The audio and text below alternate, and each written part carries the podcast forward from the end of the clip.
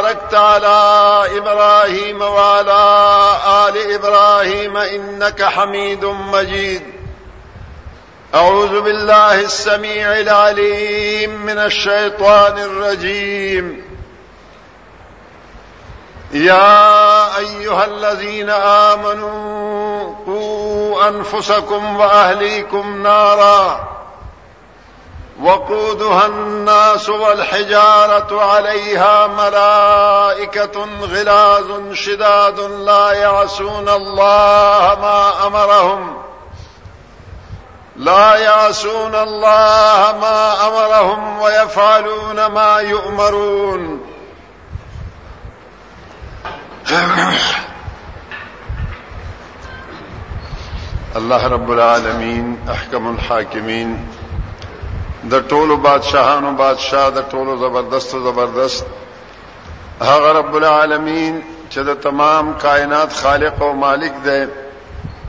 هغه الله چې د تمام کائنات مدبر او منتظم دی هغه رب العالمین چې هغه په خپل ذات او صفاتو کې او اسماء او احکامو کې واحد لا شریک دی هغه الله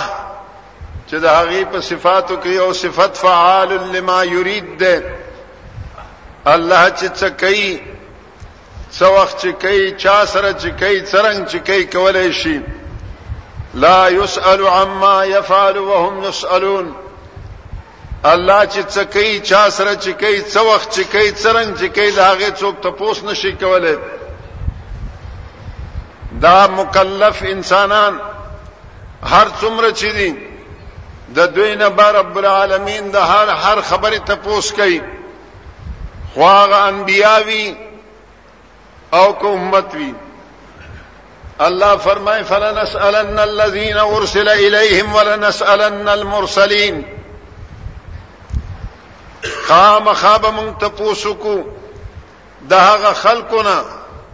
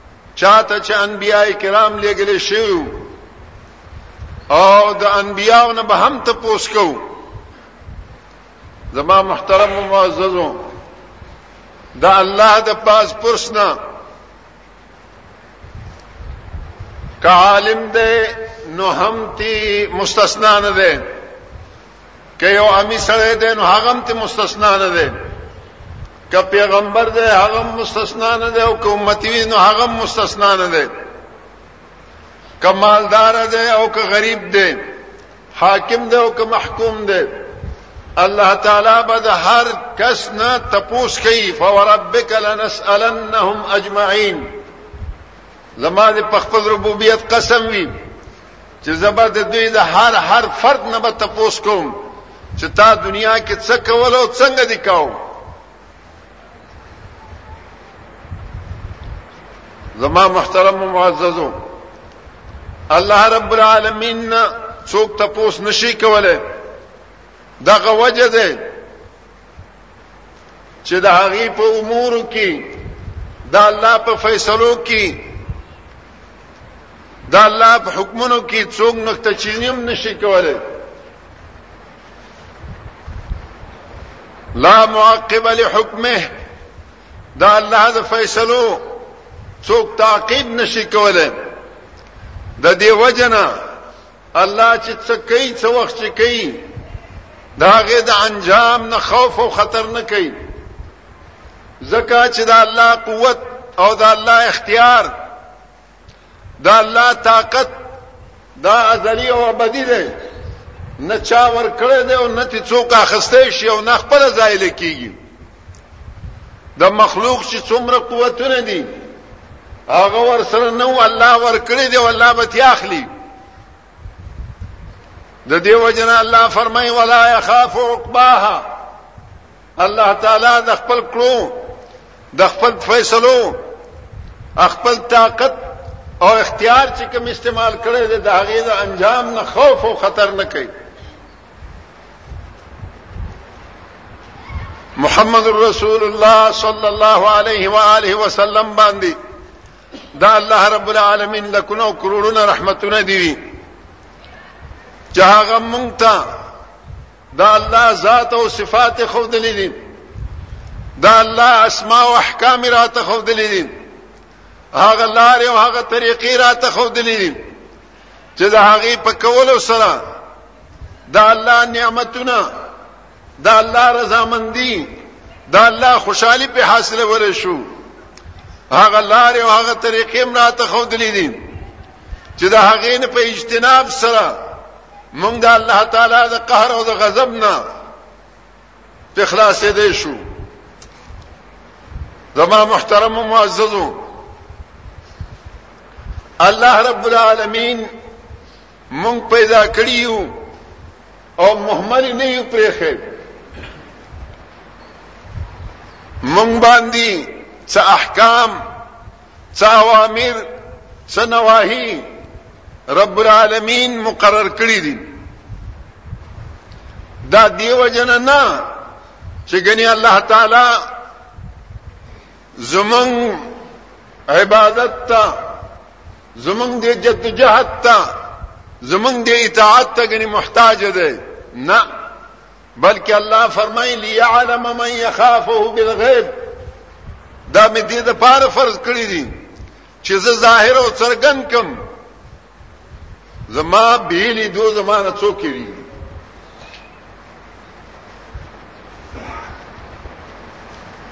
دا دنیا دار المحنه ده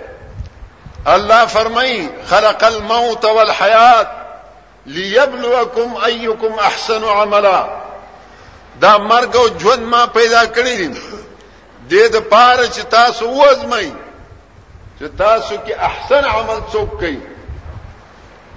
الله چانه ډیر عمل نه غواړي الله چاته دا نه وای چې ډیر عمل وکړه الله لږ عمل غواړي تاسو نه خو چې احسن وي احسن عمل هغه دی چې د هغه عمل په کلو باندې داغي په جواز باندې داغي د عبادت کېدو باندې د الله مهر لګېدلې وي او یا د محمد رسول الله صلی الله علیه و آله وسلم مهر پر لګېدلې انسان هر څومره چی علم په لحاظ سره عقل او دانش په لحاظ سره مرتبه په لحاظ سره چوکه او کرسي په لحاظ سره نوکر او چاکرو په لحاظ سره چې هر څومره اوچت وي هر څومره چې لوی وي هغه چې کم کار وکي یا کم کار نه منع کی شریعت هغه ته نیک عمل نه وي احسن عمل ورته نه وي احسن عمل نیک عمل دا هغه چا دی اگر چې مال او دولت په لحاظ سره نسب په لحاظ سره رتبه او کرسی په لحاظ سره ډیر کم دي خو عمل د الله او د الله تعالی د رسول وینا او د خودنې مطابق وي هغه احسن عمل دی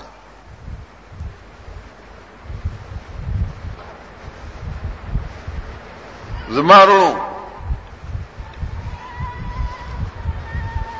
الله رب العالمین مونږ پیدا کړیو او په موږ باندې مسؤلیتونه اچولي د ځان مسؤلیت د اولاد مسؤلیت او د ټبر مسؤلیت د کشرانو مسؤلیت د چم گاون مسؤلیت او د چا باندې چې اختیار ستا اختیار رسی د هغوی مسؤلیت په مونږ باندې اچولای د دې وجنا الله مونږ ته وایي یا ایها الذین آمنو اے ایمان والو الله دا خطاب يهودي او نصراني ته نه کوي بل هندو او بت مت مذهب والا ته نه کوي کم یو کم نشته دا خطاب نه کوي الله الله هغه چاته خطاب کوي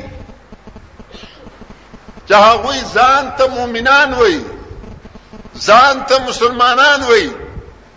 ځان ته وای چې زه د الله منم او د الله کتاب منم او رسول منم او آخرت منم هغه ته الله خطاب کوي ځان ته راویخی متوجه کئ چې یا ایها الذین آمنو اے ایمان والو قو انفسکم واهلیکم نارا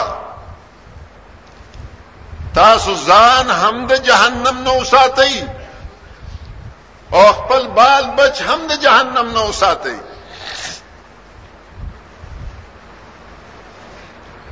که یو انسان وي خپل خو نیکی کوي منځ کوي تهجد کوي زکات ور کوي حج کوي حرام نه خوري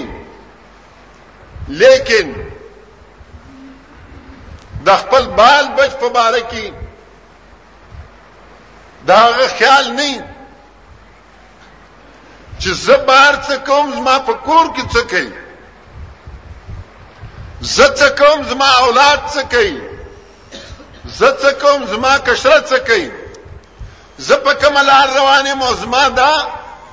نسل په کوم لار روان دی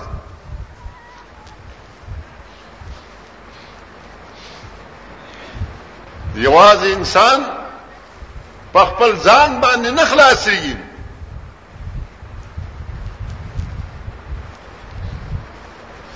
تر تبلیغ پوری تر توجیه پوری لار خودنه پوری ته په مسؤلی تر څو چې ستا طاقت رسی ستا وس رسی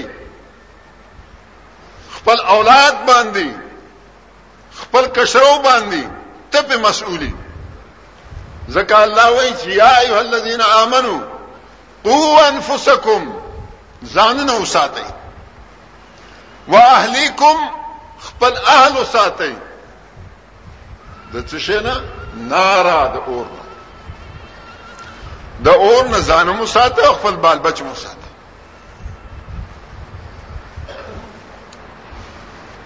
رسول الله صلی الله علیه و آله وسلم بهر وخت خپل مرګرو ته دا وینا کولو چې لا ترفع عنهم عصاك ادبا واخفهم في الله ازما مرګرو د خپل بال بچنا د خپل کشرونه د ادب هم سم پورته کوه پکار دا دی چې هر وخت د ادب د همسه سوري لاندې تخپل بال بچو ساتي واخفهم فی الله هر وخت د الله نه یې روا زکه چې ترڅو داغي پزړه کې دماغ کې رګورې شکی د الله خوف نه ناست دا ستا امسام کار نه کوي ستا امسام خو به ترا پورې کار کوي چې ستا په مخ کې وي ستا د سترګو نه چې په څنګ شي تا نه چې ځان لشي نو بیا کار څه شي کوي دا الله خوف او دا الله تقوا ځکه فرمائی چې واخفهم فی الله هر وخت دی د الله نه يروا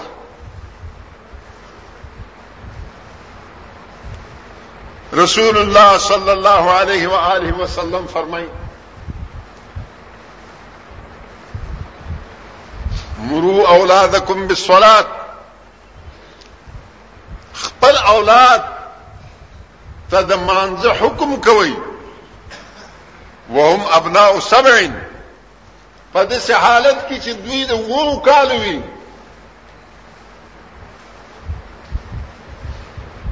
وضربوهم عليها اذا بلغوا عشرا په دې مانځ باندې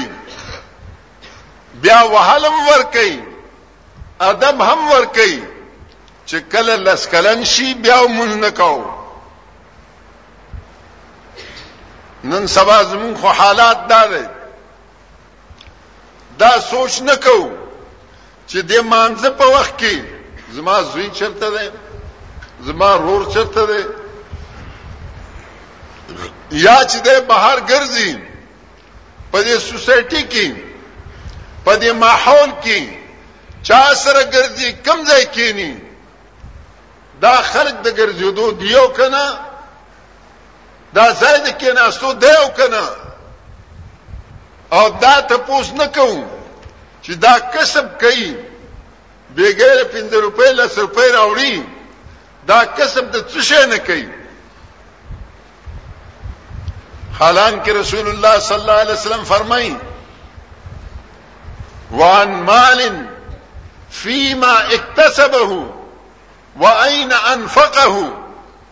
هغه پنځو سوالونو کې یو سوال به دام وي د دا مال په اړه کې به تاسو کې چې د کم ځای نه دی ګټلې او چرته دی ولګولو ګټې زه خو معلومه دل پکار دی او د لګښت زه معلومه دل پکار دی اسلام به سری نشته په اسلام کې اسلام کې کنټرول او ضبط دی د هر څه کې به ضبط کوي که ګټه کوي هغه به هم د ضابطې لاندې وي که خرج کوي هغه به هم د ضابطې لاندې که چا سره ګرځي د هغه به هم د ضابطې لاندې چې چرته کینی نو هغه به هم د ضابطې لاندې بې ضابطې بې قانونه هیڅ کار په اسلام کې نشته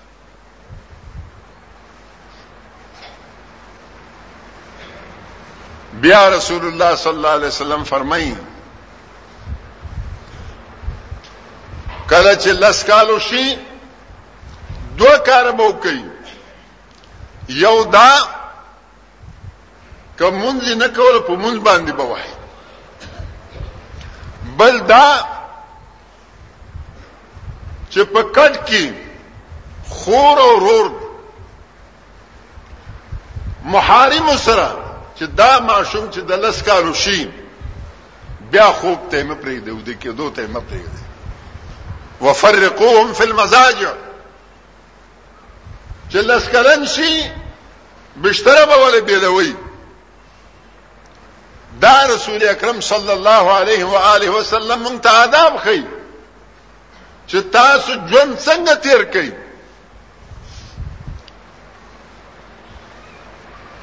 نو پکار هر مسلمان د پاره دا دی چې هر وخت د خپل اولاد خیال ساتي.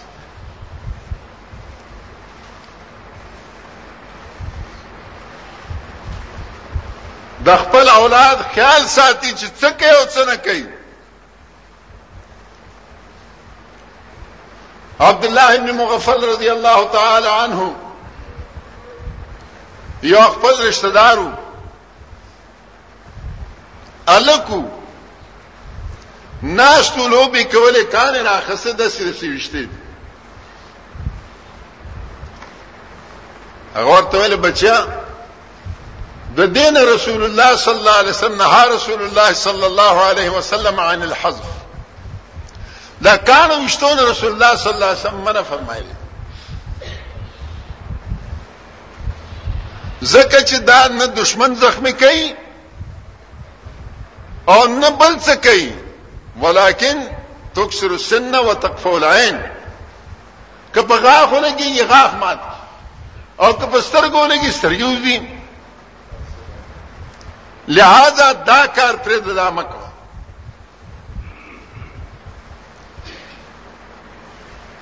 رسول الله صلی الله علیه وسلم دا فرمان ورته واورولو سموده پس بیا ول چې دا کار کوم رسول الله صلی الله علیه و آله وسلم دا مرګره صحابي عبد الله ابن مغفل هغه ته بدیره دی ویلو هغه سره بیکات وکړو متا سره به تمرګه پوری د خبرې نه کوم څه شو صرف کان کې وشتل دي پڅه چې د محمد رسول الله صلی الله علیه وسلم دغه یو خبره نه ومنه صحابه به د خپل اولاد دومره خیال ساتل چې عبد الله ابن عمر رضی الله تعالی عنه یو ور په لار تیریدل سالکان ولاړو او وی چرګ تړلې و او نخ کول د دې ځای په غشو به وشته دی چې په تیر شو الکانی راونی ول چرګې مونی ول چې دا الکان چې دا چاو دا غي کور ته لاړو هغه ته ویل چې د دې خپل الکانو خیال وساتئ الله وی هو انفسکم وعلیکم نارا اور رسول الله صلی الله علیه وسلم فرمایل چې لا تصبر البهائم زنده سر شئ چارپای شئ نخې د پاره تړل نه دی پکار دا تعذیب دی رسول الله صلی الله علیه و آله وسلم فرمایي اذا ذبحتم فاحسنوا الذبحه کله چې تاسو حلالول کوئ هغه هم ډېر ښه اندازه سره چاړه تېره کوي ښه په یو دغه سره حلال کوي دا خو تعذیب دی مقصد زما دا دی چې هغه خپل بال بچ د خپل اولاد خیال به ساتلو کوم خلکو به چې نه ساتو صحابه به راپاڅېده ماشومان به ونیول اولاد به ونیول پلارانو ته به یې ګیلې یوړې هغوی څه تاوان نه مونږ خو هغه ګیله وړو چې زما تاوان وشي کورنۍ څه د پیسو ټکو تاوان وشي دلته د عبدالله ابن عمر څه تاوان پردی چرګه د هغوی خپله چرګه وه او خپله یې کوم نه نیولې تړلې وه خپله یې ویشتله خو چونکې د محمد رسول الله صلی الله علیه و آله وسلم د حدیث خلاف و هغه بوتل ول خپل اولاد سم کوي د دې په ځای به تاسو الله نسی او صحابه کرامو د خپل اولاد مانځه کې نه صرف په روزه به عادت کو واړه واړه ماشومان هغوی وایي چې درته مازدیګر ټایم کې ډوډۍ پسې به چې ماشومانو جړله نقدم لهم اللعبة من العهن د وړو د وړو نه به لوبو شیونه هم جوړ کړه هغه به هم په لاس کې ورکړه په هغې باندې به هم تر ماښامه پورې ورباندې وخت تېروله دا د صحابو طریقه کارو ځکه الله رب العالمین مونږ ته د لقمان قصه کوي فرمای و اذ قال لقمان لابنه وهو يعذه يا بني لا تشرك بالله ان الشرك لظلم عظيم بنیادی شی د اولاد د تربیت د پاره عقیده ده چې د عقیده تربیتو کې د عقیده روزنه وکي نو بیا مخ کې اعمال ته خپل تیاری دي او چې عقیده درس نه وي اعمال ته نه تیاری د دې وجنه الله پاک مونږ ته سبق خي چې ګورئ ستاسو نه مخکې خلک تیر شوي دي هغوی هم د خپل بال بچ خپل اولاد خیال ساتلی دی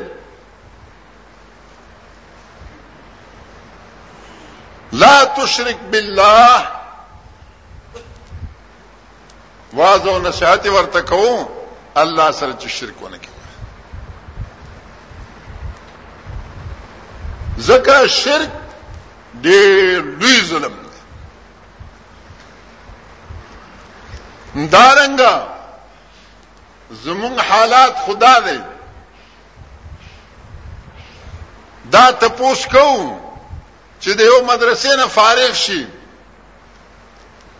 الکه نو کری کم ځای لګېدل دی او کنه دی لګېدل څه کار کوي او کنه کوي دا تپوس نشته چې آیا تا چې دا کم شی زده کړی دی د دې چرته امر بالمعروف نهي عن منکرم کوي او کنه کوي او که بل فرض و تقدیر هغه زوی خپل امر بالمعروف نهی عن المنکر کوي دا امر بالمعروف نهی عن المنکر د وجنه هغه ته په تکلیف ورسیږي دغه پلار دغه مشر معنی او ګرځي حتی چې کوم مالی تاوان او نقصان ورته نه وي خو سر د دې عزت ته بل غوندې زک راځي یا په جرګه کې چې ده کینی سبب جرګي کې څوک نه کینی نو بیا هم په زید دی چې هغه زوی ته شابسي ورکی هغه نه منک الله سوي وامر بالمعروف وانهى عن المنكر واصبر على ما اصابك ان ذلك من عزم الامور لقمان دا هم ورته وویل خپل زوی ته چې نصیحت کولو د شرک نه منکه چې شرک ونه کې ګورای کله چې ته توحید زده کی عقیده دې صاف شي نو مخکې به د دې عقیدې پرچار کوي وامر بالمعروف وانه عن المنکر معروف توحید دی منکر شرک دی هر هغه کار چې هغه الله جایز کړی دی هغه معروف دی هر هغه کار چې الله او رسول هغه ته ناجایز ویلي هغه منکر دی ته چې کله امر بالمعروف نهي عن المنکر کوي په خپل عمل باندې تا ته څوک څه نه وایي په خپل عقیده تا ته څوک څه نه وایي چې کله امر بالمعروف نهي عن المنکر شروع کی مصیبتونه به در باندې راځي تکلیفونه به در باندې راځي خو بیا په دغه وخت کې د صبر او تحمل موقع ده نو ځکه ورته وایي چې واصبر علی ما اصابک ان ذلك من عزم الامور دا صبر کول په مصیبتونو باندې دا ډېر چت کار دی زکا مصیبت ته څوک نه ټینګيږي الله فرمایي ومن الناس من يعبد الله على حرف بعض خلک دي چې د الله عبادت کوي خو په یو هم کوي عمل هم کوي عقیده هم ساتي هر څه کوي وین اصابته فتنه که ورته فتنه ورسیږي انقلب على وجهه بیا هر څه پری دي وړي په خپل مخ باندې الله وی خسر الدنيا والاخره ذالک هو الخسران المبين نظم محترم معززو دا عرض میکاو چې نن سبا خاص کر په دې مادي دور کې خاص کر د دې په دې د فتنې په وخت کې چې هر طرف نه په هر لار په هر کوڅه باندې نوې نوې فتنه ده نوې نوې فتنې دي انسان چې عقل مند او بردبار او عالم وي هغه هم دې فتنو ته نشي ټینګېدی نو زموږ نوجوانان دا به څه ټینګ شي لہذا هر پلار د پاره هر مشر د پاره دا خیال او سوچ پکار دی چې زما دا اولاد کم طرف ته روان دی زما د اولاد څه کوي په دې خو مونږ ډیر خوشاله یو چې په پلانې ګون کې دی پلانې زمه په پلانې ګون کې دی پلانې زمه په پلانې ګون کې دی زکه چې کله یو نه مصیبت ورسېږي دا بل به مدافع کوي او بل نه مصیبت ورسېږي بل مدافع وکړي خو دې ته نه ګوري چې دا ګون په کومه عقیده ده او دا ګون په کومه عقیده ده د دې ګوند څه اعمال دی او د هغې څه اعمال دی دا د دې نه چې کوم دنیاي مفاد حاصلېږي د دې نتیجه څه شی دی او چې د دې بل نه دنیاي مفاد حاصلېږي د هغې نتیجه څه شی عواقب ته نه ګورو په کار دا د هر مسلمان د پاره چې عواقب ته وګوري زمانو خاص کر مونږ د افغانستان خلک مخکې چې هر څنګه وو جهاد او هجرت نه وروسته زمونږ سترګې کولاوي شو په هر څه باندې پوه شو که دین او اسلام او عقیده کو پاغیم پوښو که کفر او الحاد کو نو پاغیم پوښو که حرام توب دوکه کو پاغیم پوښو هر لار باندې مونږ پوښو زدم کړی سترګم وګړې دي زدم کړی سترګم وګړې دي نو دی وخت کې پکار دی چې موږ سوچ وکړو دا سینا چې په بل لار روان شو دا سینا چې قدم غلط ته اوچت کو دا سینا چې قیامت د پاره سبب د مصیبتونو ګرځيږي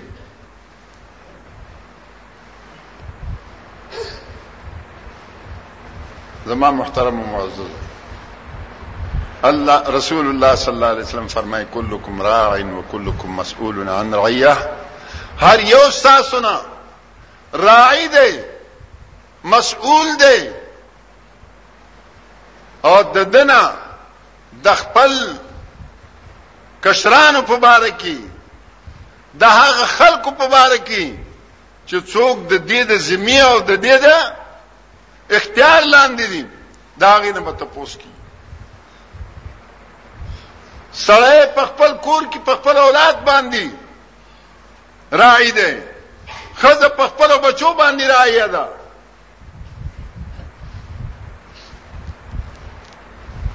نای که خپل نوکرانو باندې راي دی او نوکر داغه د مال راي دی د هر یو نه بداغه د مسولیت مطابق تپوس کی نو پکار دا دی چې هر یو انسان خپل مسولیت پیژني پلار خپل مسولیت پیژني مور خپل مسؤلیت پیژني رور خپل مسؤلیت پیژني زوی خپل مسؤلیت پیژني لور خپل مسؤلیت پیژني کشر خپل مسؤلیت پیژني او مشر خپل مسؤلیت پیژني نو آخرت با ال دې کوم ده زمون صحیح کیږي ما تاسو ته مخکې عرض کړو چې رسول الله صلی الله علیه وسلم د قو فرمایل چې تاسو هر وخت په دوی باندې د لخت سورې ساتي د ادب او د الله نه هر وخت یې روي نو ما دارز کوم چې د الله خوف په دماغ کې کیننی یوازې وهل خبري او زورنه دا کار نه کوي د وهل او د زورنې نه زیات خبره دا به د تخویفي د الله نه ویرول به ذکر رسول الله صلی الله علیه و آله وسلم الله پاک مونږ د پاره نمونه ګرځولې ده او الله هم دغه نقطه مونږ ته خي چې پیغمبر خو نمونه ده خو هر سړی نمونه نشي جوړولای ترڅو چې د چا پزړه کې د الله ویره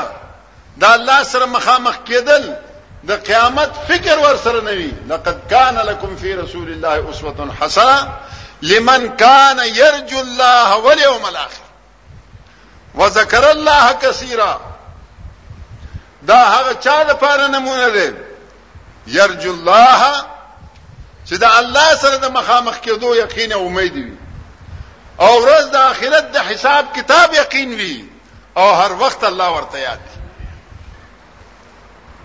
لہذا مرو هر یو انسان د پاره پکار دی چې د د همار وخت الله یاد وی د الله خوف وی ورسره او خپل بال بچ په ذهن کې د بال بچ په دماغ کې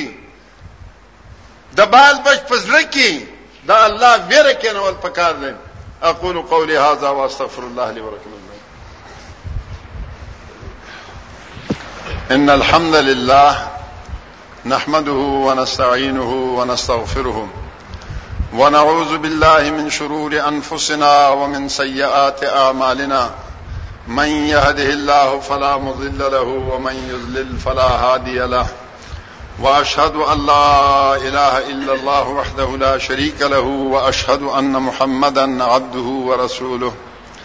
يا ايها الذين امنوا اتقوا الله حق تقاته ولا تموتن الا وانتم مسلمون يا ايها الناس اتقوا ربكم الذي خلق يا ايها الذين امنوا اتقوا الله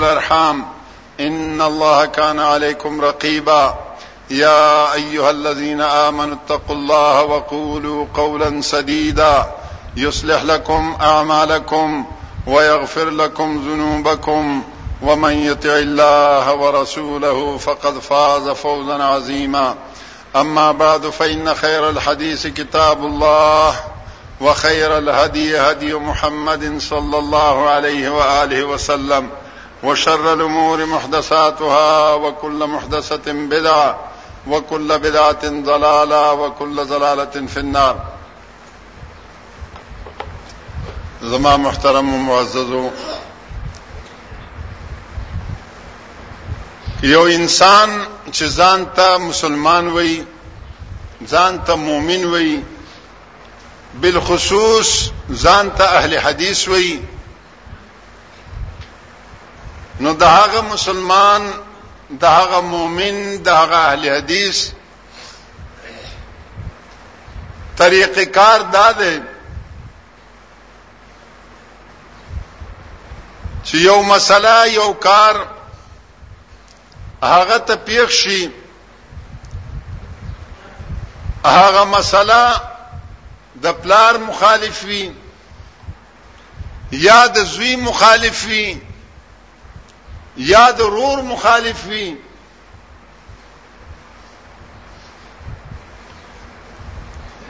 نو هغه مخالفت پرواو نه کی چې کوم محمد رسول الله صلی الله علیه و آله وسلم خبرې هغه پس روان شي دا واقع خپل دعوه کې خپل وینا کې رښتونه دي او کدا سونه کې الله فرمایي یا ایه الذین آمنو لم تقولون ما لا تفعلون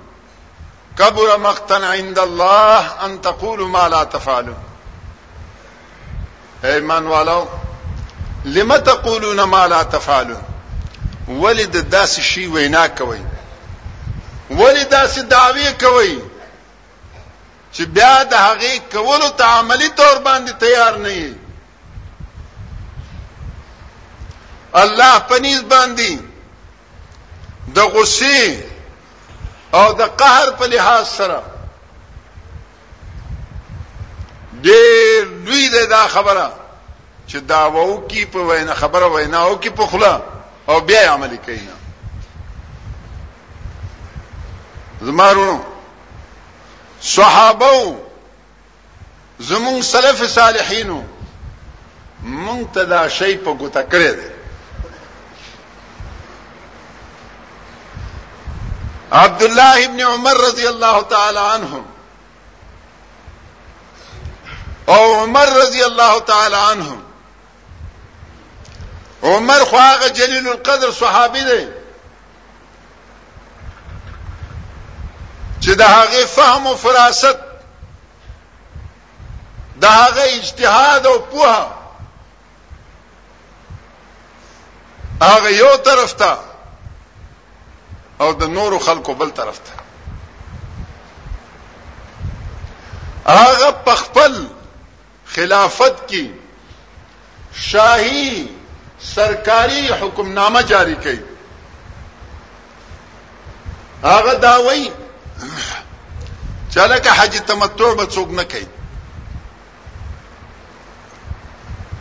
داغه دا مقصد نو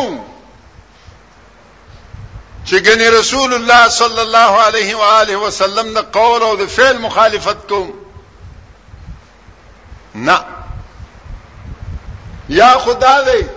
چې ډېر خبرې د سوي او سړی یو خبره واوري وویني بیا ورنه هیر شي کې دې شي چې د رسول الله صلی الله علیه وسلم حدیث د ذهن نه وتلې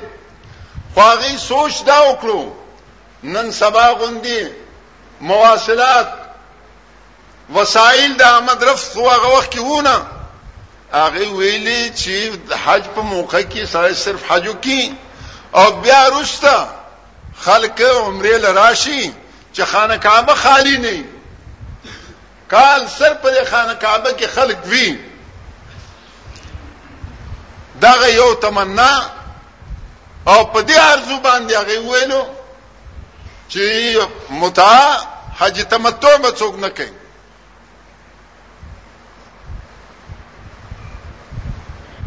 د شام نه یو سړی راغلو عبد الله ابن عمر نه تپوس کوي عبد الله حج تمتع جایز دی او کنه ویل بالکل جایز دی هغه ویل فإن اباکا یمنعو وستا پلار د دینه منه کوي عبد الله ابن عمر رضی الله تعالی عنہ فرمایي هغه سړی ته وویلو امر ابي یتبع ام امر رسول الله صلی الله علیه وسلم تا نه زدا تاسو کوم چې زما د پلار د خبرې تابعداري به کیږي زما د پلار د حکم تابعداري به کیږي او که د محمد رسول الله صلی الله علیه وسلم د حکم تابعداري به کیږي هغه ویل بل امر رسول الله صلی الله علیه وسلم خاص د رسول الله صلی الله علیه وسلم د امر تابعداري کیږي نو رسول الله صلی الله علیه وسلم دا کار کړی دی او حکم یې هم کړی دی اول د عمر رضی الله تعالی عنہ د شاهي حکم نامه مخالفت زیو ولی چې رسول الله صلی الله علیه وسلم خبر چراله لا تقدموا بين يدي الله ورسوله بیا هم دغه عبد الله ابن عمر دی یواری حدیث بیانې چې رسول الله صلی الله علیه وسلم فرمایل دي چې لا تمنعوا اماء الله مساجد الله دا الله وینځي یعنی خزي دا الله جماعتونو نه د منځ کولو نه ممنه کوي دا عبد الله ابن عمر زوی بلال نومه هغه وویل چې والله لنمنعن په الله مې قسم مونږ به منې کو ځکه د حالات ته نه ګوري چې څه دي انا باندې باندې به خزي وزي د کور نه څه به کوي څه به نه کوي فرمای رس عبد الله ابن عمر فسبه سبا شديدا دا سخت کنزلی ورته وکړي به دې را دي ورته ویلو او بیا یې قسم وکړو چې تا سره وځه خبرې نه کوم عبد الله ابن عمر مړ شو دنیا نه لاړو خو خپل زوی سره خبرې ونه کړ دا په څه باندې وذالک فی ذات الاله سر د محمد رسول الله صلی الله علیه وسلم د خبرې د وجنه ځکه الله وی لا تقدمو بین یدی الله ورسوله رور عبد الله ابن زبیر دا ابو بکر نو سید هغه صلات خسوف کوي دو رکعات سبعی مانځه غوندي دواړه رکعاتونو کې یو یو رکوع او دو دو سجدي وکړي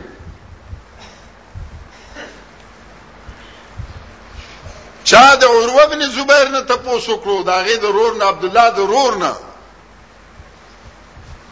هغه ورته ویل د خسوف مون څنګه ده ورته ویل چې رسول الله صلی الله علیه وسلم صلى رکعتین فی اربع رکوعات و اربع سجدات رسول الله صلی الله علیه وسلم دوه رکعات کړی دي څلور رکوګان او څلور سجدي هر رکعات کې دوه دوه رکوع کړي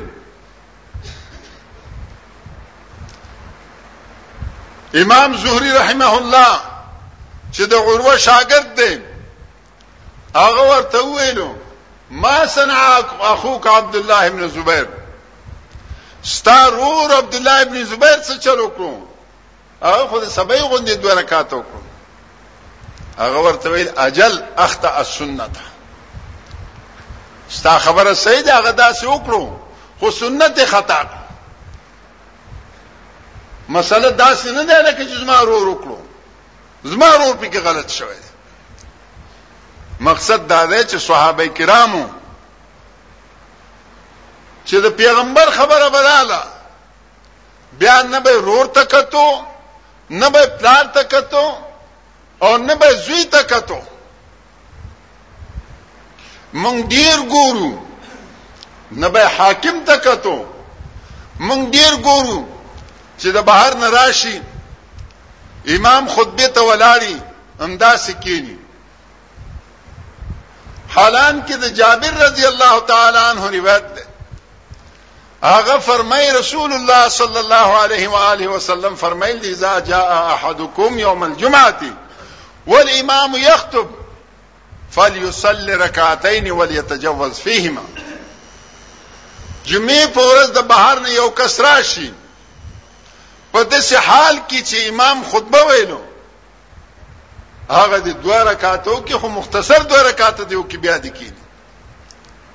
چې دوه رکعات نه کړي کینی دي نه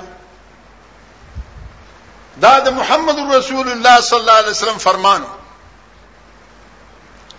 مروان ابن الحکم چې کوم وخت کې گورنر په مدینه باندې هغه وخت کې ابو سعید خدری رضی الله تعالی عنہ د بهر ناراضي او درې د دوه رکعاتو ته د مروان پولیس والا رالل ډنډه ورته ونه ولا کینول وهاله کینول هغه کینه ناست دوه رکعات پورا کړو پس هغه نه کیناستو مرګورو ورسته ورته وویل انصافدار د خلکو هوته وجلې ویل څه فرض خو نه ناس به وي ویل نه چې رسول الله صلی الله علیه وسلم په دې منبر باندې ولاړو خطبه ورکولو نو مونږ به چې د بهر نه رالو مونږ به دوه رکعاته کولو نن د چا د پاره مونږ دا دوه رکعاته نشو پرې خو دا خو بس ما خوش نصیبی وی چې د پیغمبر په سنت باندې زه مړ شم د صحابه طریقې کار دا وزمارو اوس راشه زمون طریقې کار ته مون صحیح او صریح حدیث پریدو داس یو حدیث چې هغه به یا منقطع وي یا به مرسل وي یا به د صحابه قول وي هغه د صحابه قول دغه مرسل حدیث دا موقوف حدیث دا منقطع حدیث دینه بم جنډه جوړ کړی دې نه بم ډال جوړ کړی او د رسول الله صلی الله علیه و آله وسلم د حدیث تر به پیاغه باندې ځان نه دفقو دا د یو مسلمان شان سره نه ده ګورئ د رسول الله صلی الله علیه و آله وسلم صحیح سنت حدیث دا ده دا ابو داوود روایت دی چې رسول الله صلی الله علیه وسلم بچ کلا په منبر باندې خطبه لکې ناستو مؤذن با د جماعت په دروازه سره اذان کو او موږ په میراب کې دننه کو الکه څه تکلیف دی خو یو 15 روپۍ به لګیږي دا تار به وګدی کنه یو سل روپۍ به لګي مونږ خپل دنیایي امور د پاره د خپل کور خرج د پاره څومره پیسې لګو او صرف د سل روپو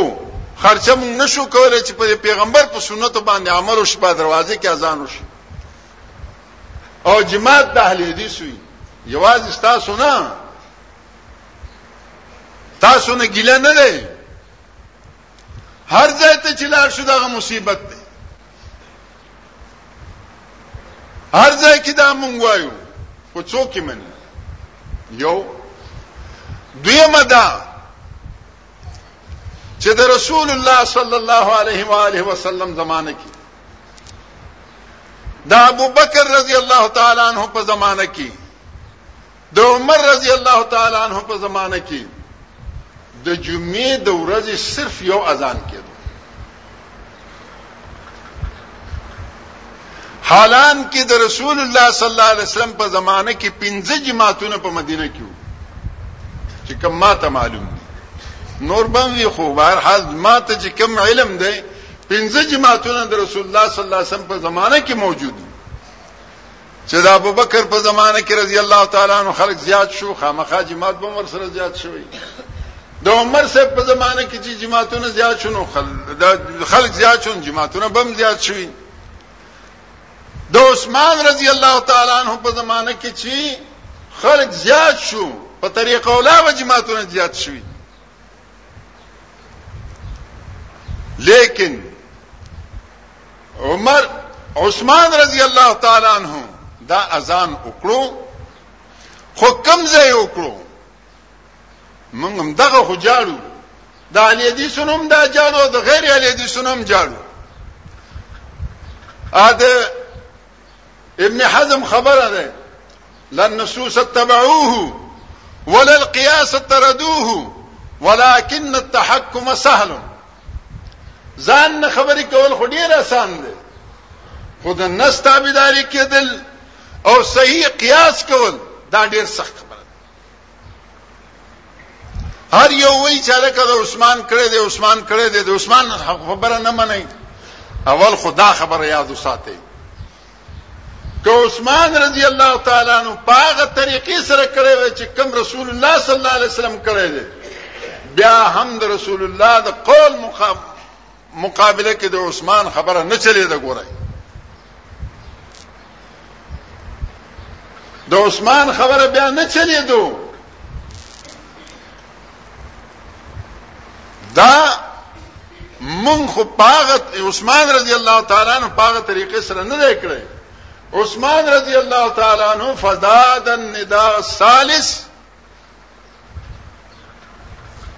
دریم ځان چې کم ده نو زیات کړو په کم ځای کې په زورا مقام کې وهو مکان مرتفع فی سوق المدینه زورا یو چت ځای د مدینه په خار کې په بازار کې عثمان رضی الله تعالی عنہ اذان په کم ځای کړو د بازار په مینځ کې پوچت ځای باندې په ډب کې باندې او موږ په کم ځای کې زموږ مؤذن څه په میراب کې لګیا و موږ په میراب کې کو نو بیا عثمان ولی باندې کو بالکل موږ د دې مخالفت نه کو بهشکه او کوي د امیزان خو مکه طریقې سره او کوي څنګه چې عثمان کړو بیا بم زه درته وایم دا عبد الله ابن عمر خبره خو مې اوس وکړو کنه چې د پلان مخالفت وکړو د زوی مخالفت وکړو راواخلې دویم جلد مصنف ابن ابي شيبه د ټولو مخ کې ورته دی ځان ته بدعت ویلي چا عبد الله ابن عمر دا سونه وای چې عبد العزيز مونږ په منبر باندې بدعت ورته ویلي زه د عبدالله ابن عمر د قول حکایت کوم چې مصنف ابن ابي شيبه کې دا روایت موجود دی راشه قرطبي وګورئ تفسیر الجامع القرآن د امام قرطبي اذا نودي للصلاه من يوم الجمعه د دې لاندې وګورئ چې د عثمان رضی الله تعالی عنہ نو رسته خلیفہ څوک علی رضی الله تعالی عنہ علی رضی الله تعالی عنہ بدا اذان نکاو دا خلک وایي کړه توارثن راغلي دي چې توارثن راغلي دي خو په دې توارث کې د عثمان پسې څوک علي رضی الله عنهما علي رضی الله تعالی عنہ دا پریخو نو مقصد او غرض ما دا ده نو چې د پیغمبر سنت راشي بیا دا جوړ او توړ او پلانې په دې باندې توړ راځي او په دې باندې جوړ راځي او په دې باندې دش راځي او په دې باندې هغه سر راځي دا غلطه خبره ده بعض خلک دا وایي که دا سیو کو نو خلک نفرت کوي او د دې خلکو دغه د پاره دا هم څه عقل مندي خبره نه ده چې یو سړی د بل جنت ته د تلو د پاره ځان جهنم ته بیایي دا څه د عقل مندي خبره ده الته پیغمبر وای وکل بدعت ضلال وکل ضلاله فی النار تا د پیغمبر طریقه دې هم پرې خودو او عثمان رضی الله تعالی عنہ طریقه دې هم پرې خودو او ته په دې باندې وای چې خلک په دغه کیږي خلکو کې چې کم دنو ټول راځي مونږ جوړ راولو دا غلطه خبره ده په حیثیت د یو مؤمن په حیثیت د یو مسلمان بیا په حیثیت دی او اهل حدیث پکار دا دی چې د محمد رسول الله صلی الله علیه و آله وسلم عبد الله ابن عباس رضی الله تعالی عنه فرمایي یوشک ان تنزل علیکم حجاره من السماء قریب دی چې در باندې د اسمان نه کانی وریږي اقول قال رسول الله صلی الله علیه وسلم تقولون قال ابو بکر و عمر زداوم چې پیغمبر د سکړي دي دا سی ویل دی او تاسو وایي چې ابو بکر او عمر د سی ویل دي عثمان ابو بکر رضی الله تعالی عنہ فرمایي ايو ارض تقلني وايو سماء تذلني کم از مکه به ما پورته کی او کوم اسمان برا باندې سوره وکي چې زه هغه کار پرې دم چې محمد رسول الله صلی الله علیه وسلم کړی ورونو د عثمان رضی الله تعالی عنہ ته چې کم ضرورت درپېښ شوو داغه ضرورت مطابق که تاسو تاغه ضرورت وی اول خو هغه ضرورت تاسو ځکه نشته دی چې لسپیکر شته دی ګړېګانې د هر سړي سره شته دی بل فرض او تقدیر موږ ویل چې دا لسپیکر یې مرکه کو غړګانې مرکه هغه ضرورت تاسو ته در پیښ دی نو چې څنګه عثمان رضی الله تعالی عنہ په بازار کې پوچت ځای باندې کړی دی ورونو تاسو په بازار کې پوچت ځای باندې وکړ یو دویم دا چې په ټول مدینه کې هغه زمانه کې چې د عثمان زمانه و چې فلما کسر الناس کله چې خلق ډیر شول نو چې پیغمبر په زمانه کې پنځه جماعتونه نو هغه وخت کې خو به ډیر شي دا چې چرته یو نفس متنفس دا ثابتول شي چې په بل جماعت کې دوه ځانونه شي نه بهر حال ما محترم معززو یاد ساتئ چې د جمعې هم څه آداب وي،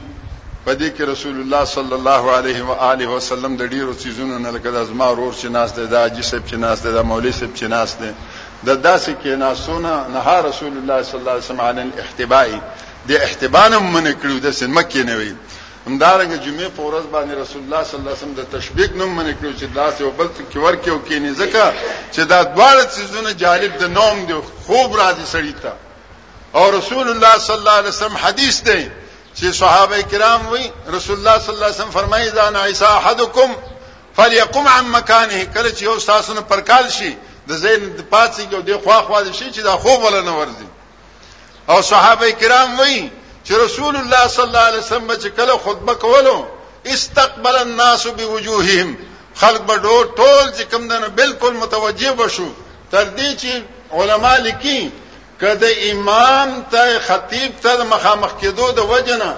دغه راشي د قبلې نه په څنګ شي نو هم په څنګ دي شي خو د خطبې په وخت کې دي خطیب ته متوجي وي نو د دې څو خبرې وي د دې چې بهر نه راشي د دې دوه رکعاتونو خیال ساتي دارنګ د کیناستو کې خیال ساتي دارنګ د اذانونو خیال ساتي نو الحمدلله مونږ خو ځان ته اهل حدیث ویو د اهل حدیث غوندې چې کوم دینو کار کول پکار دی په دې کې سستی نه دی پکار چې تاسو نن یو خدای دی چې ټول عمر تاسو ویلي چې په دې باندې به عمل نه کوو او ټیک دی کوي کوي چې سکالي باندې کو کال نه وکړو زما په رب قسم چې زی پیدا کړم او دا د الله کتاب زما په مخ کې کال پس به مغه درته مغه دشواری مغه مسله به درته راپورته کیږي چې کم څه کال درته پیش کېدو او که څه کال دی وکړو نو کال پسې باغه واره شوی الله رب العالمین دې موږ ته د عمل کولو توفیق راکړي اقول قولي هذا واستغفر الله لي ولكم اجمعين ربنا لا تزغ قلوبنا بعد إذ هديتنا وهب لنا من لدنك رحمة إنك أنت الوهاب